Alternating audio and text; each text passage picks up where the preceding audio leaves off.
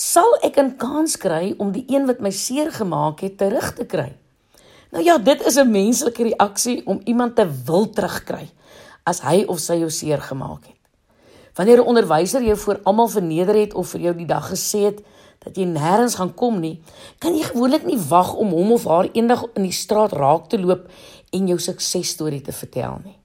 Maar dit is beslis die verkeerde ingesteldheid wanneer jy op die herstelpad is. Vergelding maak glad nie deel uit van jou genesing en jou groeiproses nie. Onthou, jy is nie hier om enigiets aan enige iemand te bewys nie. Jou doelwit is om beheer te neem van jou eie gedagteprosesse en die groter plan van jou lewe. 'n Jong akteur was na 'n swak resensie in 'n koerant in sak en as.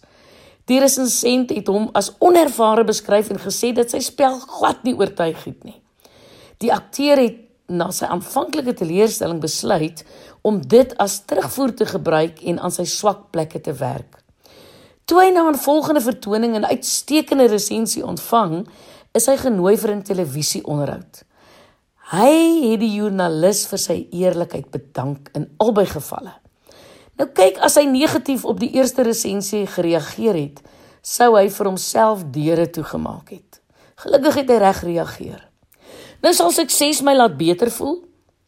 Dit is uiters belangrik dat jy die dit moet verstaan dat as jy toelaat dat verwerping of teleurstelling jou lewe beheer, kan sukses of die gebrek daaraan jou in dieselfde greep hou. Jy en jy alleen moet in beheer wees van jou gedagtes en jou lewensplan vorentoe. Nie jou mislukkings of jou suksesse moet jou lewe bepaal nie. Wanneer jy kwaad word vir mense wat jou skade berokken of seer gemaak het, erken die emosie, maar moenie toelaat dat dit jou reaksie of jou lewe vorentoe beïnvloed nie. Nou as jy met volwassenheid en met jou nuwe innerlike krag terugkyk op die situasie, sal jy self die punt bereik waar jy kan dankbaar wees vir wat gebeur het. Want het dit jou nie sterker gemaak nie? Wanneer jy jou omdraaipunt bereik het, kom jy dalk agter dat die nuwe pad wat jy nou gekies het, jou gelukkiger maak as die een waarop jy vroeër was. As jy nie tot omdraai gedwing was deur die pynproses nie, het jy nooit nuwe horisonne ontdek nie. Nou wat nou as ek weer verwerp word, mag jy dalk vra? Nou die dag wanneer jy besef dat verwerping buite jou gebeur, gee jy 'n groot stap in die regte rigting. sien dit as iets soos maagpyn of verkoue.